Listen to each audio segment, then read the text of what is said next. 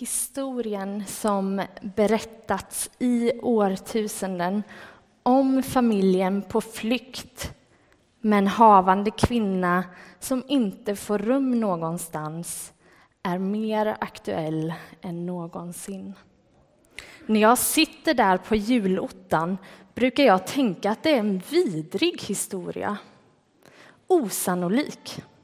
Att man inte skulle låta en gravid kvinna få komma in i sitt hem om hon inte hade någonstans att bo.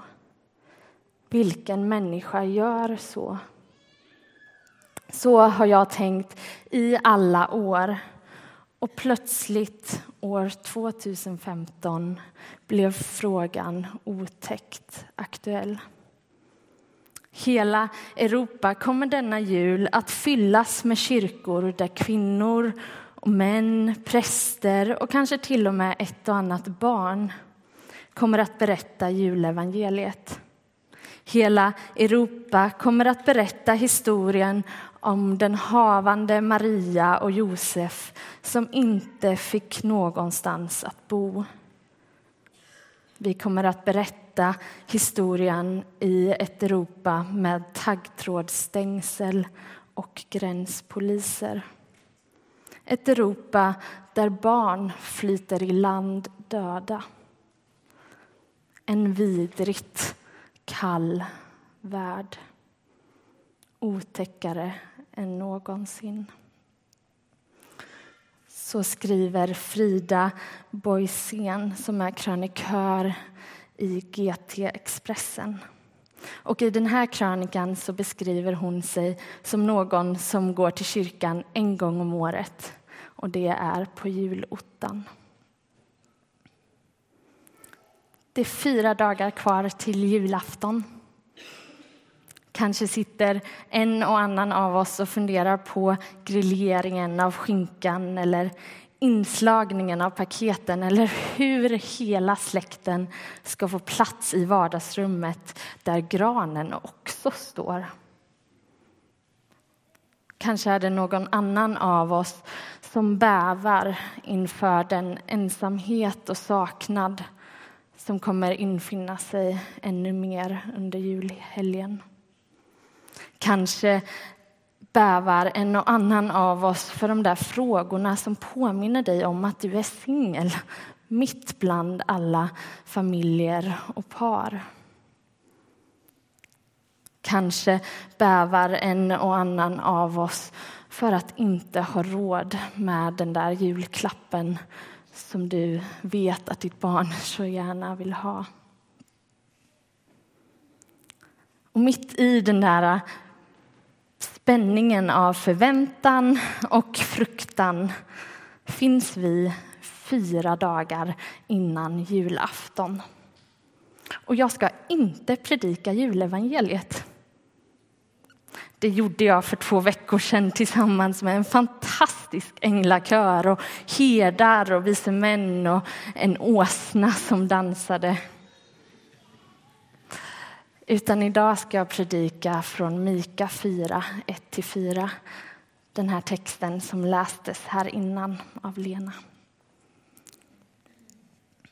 För jag tror att i den här spänningen av förväntan och fruktan i en tid då den här berättelsen om familjen på flykt är mer aktuell än på länge i en tid då barn gråter över att ha förlorat sina föräldrar i krig. I en tid då världen för många känns vidrigt kall så behöver vi få påminna oss om ord som Mikas. Vi behöver en vision om framtiden. Vi behöver måla upp en framtid som är hoppfull för alla som fruktar.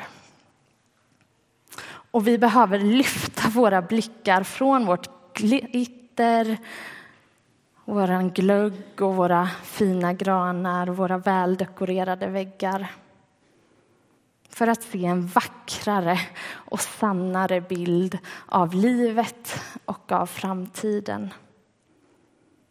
Det är fyra dagar innan julafton.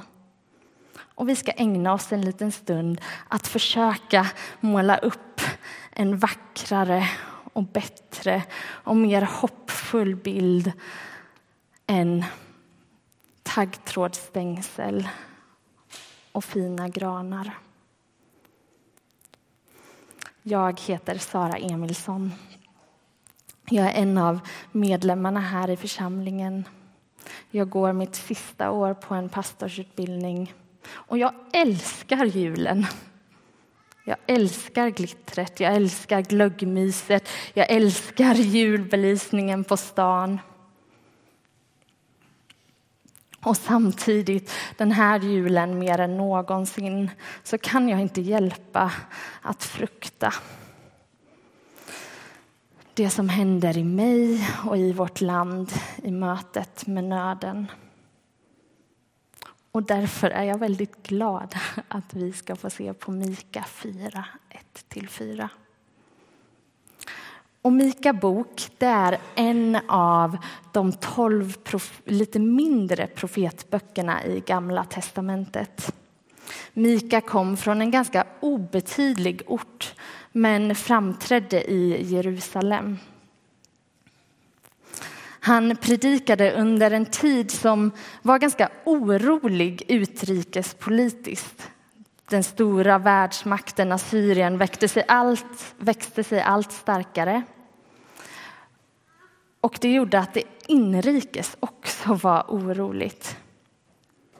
Det var en tid då ekonomin växte, vilket man kan tänka, men det kanske är bra. Men det som hände var att all mer, allt mer pengar investerades i land och det här gjorde att de fattiga kom i kläm för de stora godsen tog över. Det var en tid då mutor togs emot även av de religiösa ledarna. Det var en tid då man sa att en självisk materialism växte fram. Det var en tid då främmande gudar tillbads. Då de rika utnyttjade de fattiga. Och mitt i det här så kommer Mika och talar domsord. Han fördömer den orättvisa behandlingen av människor, av de fattiga. Han fördömer tillbedjan av främmande gudar. Han är ganska hård med Guds dom som kommer. Men han talar också in hopp och talar om Guds löften. Han talar om löftet om en ledare som ska komma, en Messias som ska rädda. Han talar om att Gud till sist, mitt bland all dom, är nådefull. Precis innan dagens text i kapitel 3 i Mika så har ett av de här domsorden kommit. Det är dom över ledarnas orättvisa behandling. Och det står att Jerusalem ska bli helt förstört. Men så kommer vi till dagens text, kapitel 4, vers 1-4. Och det är som att ett men kommer. Profetian byter ton och Jerusalem utlovas att vara den plats som Herrens tempel kommer att stå fast. Det kommer vara en plats där Herrens ord ska förkunnas. Fred och upprättelse utlovas. Och det är som att hopp målas upp i vad som skulle kunna kallas en vidrigt kall värld. Och vi ska kolla lite på de olika verserna. Det är fyra verser och vi ska gå igenom de olika lite för att se vad är det för bild som Mika målar upp. Och i vers 1 så står det att berget med Herrens tempel berget Sion ska bli överst bland höjderna. Och det måste ha låtit ganska osannolikt. För att berget Sion är inte särskilt högt. Det är inte ens högre än berget bredvid.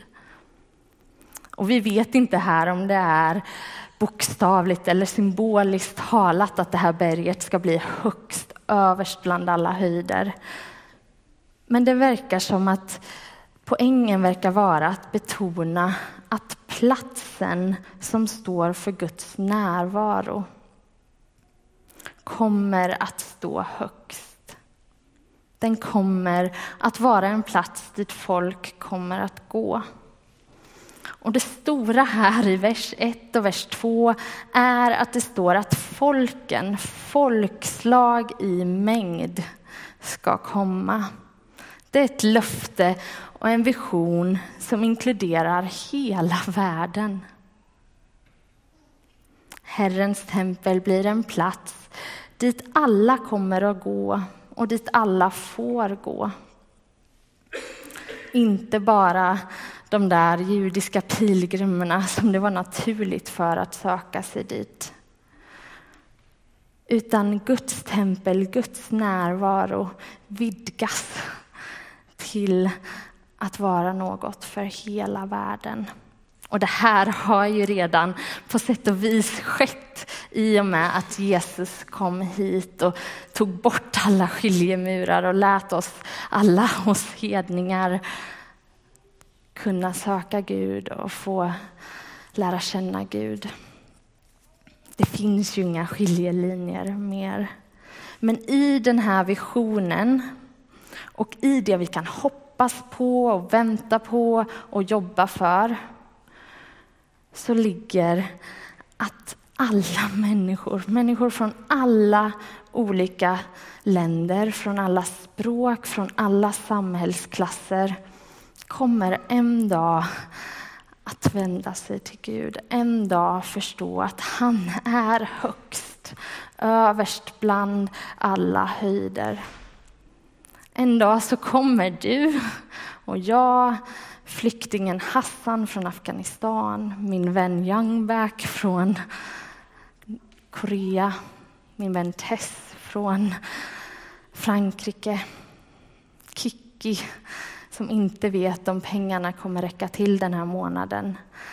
Alla vi, alla de du kan tänka på som är lika dig och alla de som är så otroligt olika dig kommer en dag att förstå, kommer en dag att stå där och säga men jag vill ha med Gud att göra. Jag vill höra hans undervisning, jag vill vandra hans vägar.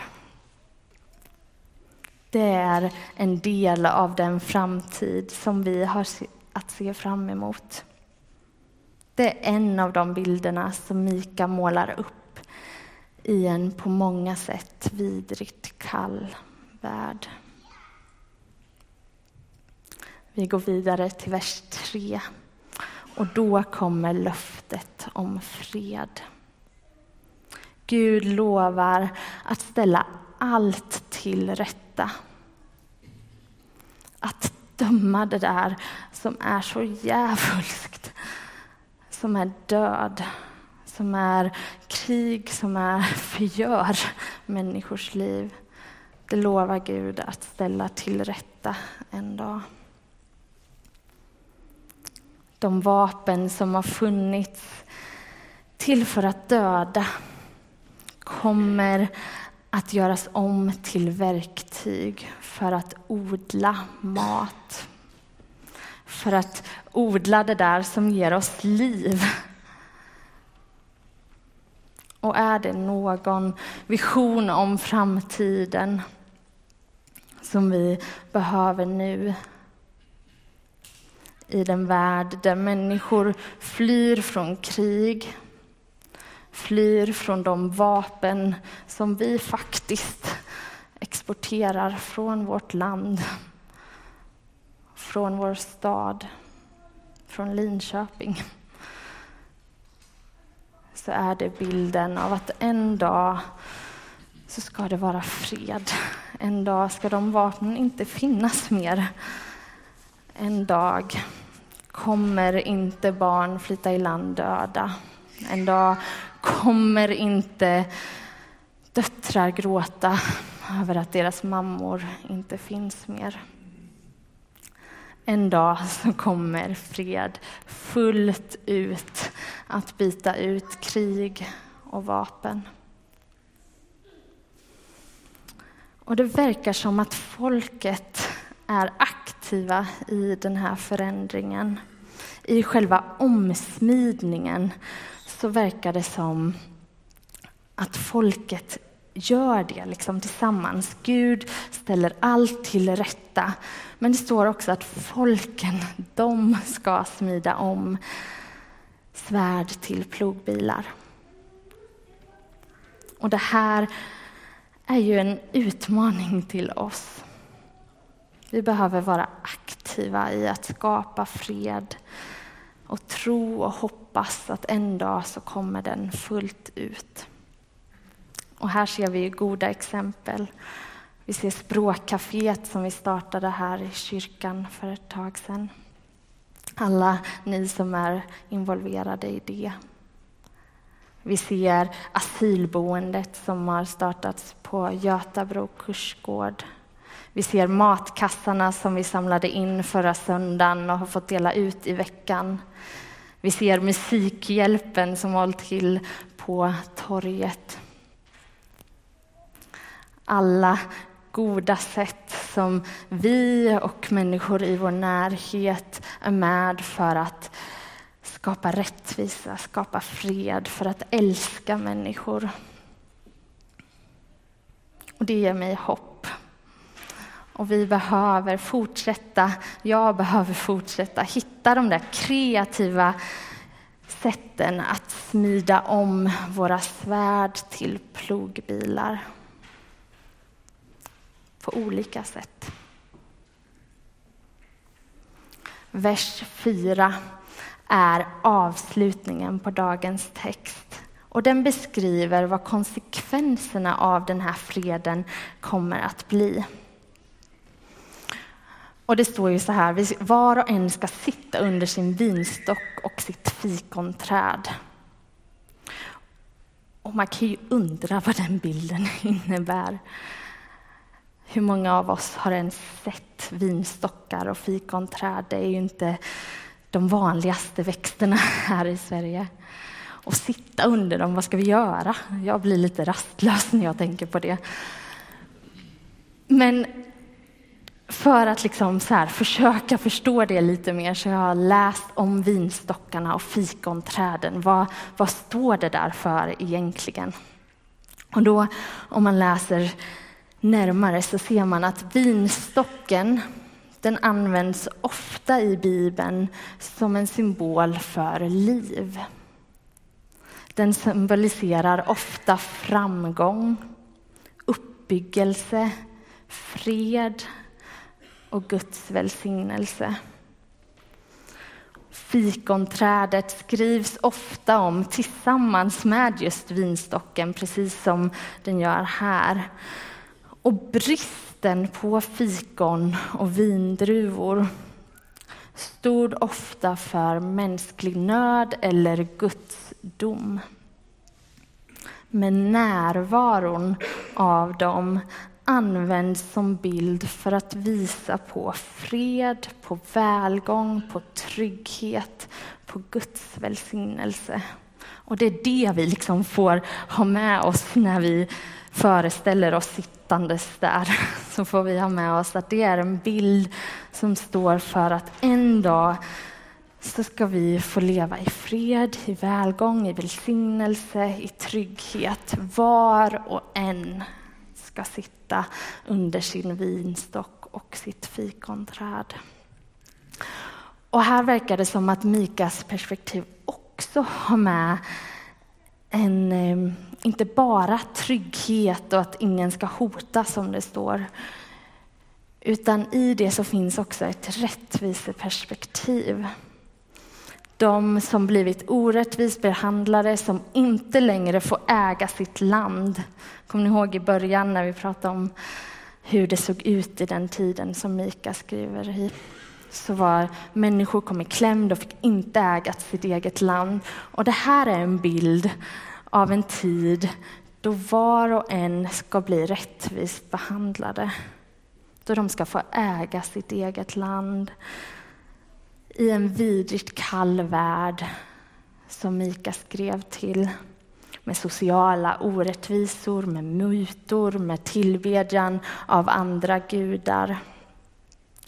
Med ökad själviskhet, med hot från riken som växte sig starkare så kommer en, en tid av rättvisa och av trygghet.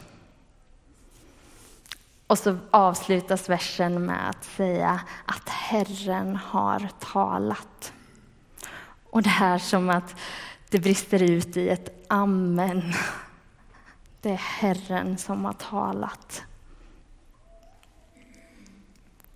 Det är fyra dagar kvar till julafton. Och vi har massor av tankar av förväntan och fruktan vi lever i spänningen av glöggmissnack och taggtrådsstängselsnack. Och vi påverkas alla olika av det. Jag vet inte hur du känner inför att det är just fyra dagar kvar till julafton. Men jag tror att vi alla mer eller mindre lever i den här spänningen, eller i alla fall som hel gemenskap lever i spänningen av fruktan och förväntan. I en både fantastiskt vacker och vidrigt kall värld. Och vi behöver hjälpa varandra att måla upp en bild av framtiden som är hoppfull. Vi behöver påminna oss om Mikas ord i de här verserna. Vi behöver läsa Guds löften till oss. Att en dag så kommer alla folk förstå att Gud är störst. En dag så kommer Gud att ställa allt till rätta. En dag så kommer fred att helt och hållet byta ut krig. En dag så kommer rättvisa att råda. Och vi alla, alla vi här inne och alla de där ute på flykt kommer tillsammans att få leva i trygghet.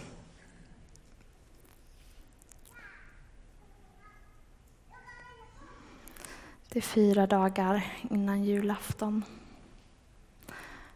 Och min bön är att vi mitt i den här spänningen av fantastiska glöggmys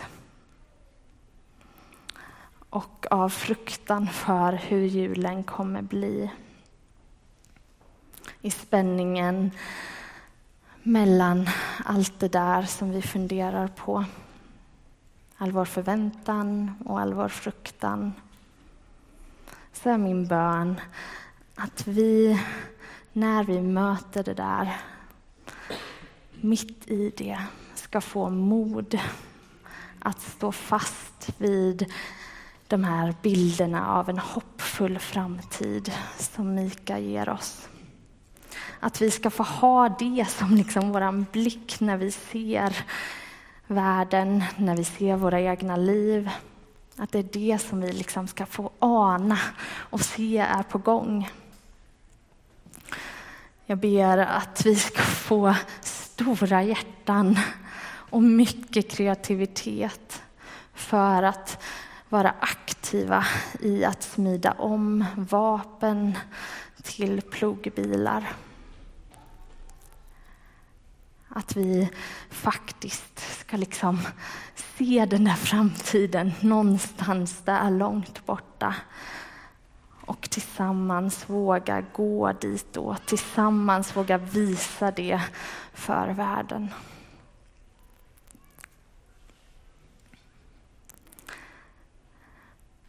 Och det är ju bara med Guds hjälp, med den heliga Andes hjälp, som vi kan hålla den där blicken, som vi kan hålla de där äh, bilderna levande för oss. Och därför ber jag att vi alla ska få ge honom ännu mer plats. För att forma våra ögon och våra hjärtan till att se den framtid som han har för oss.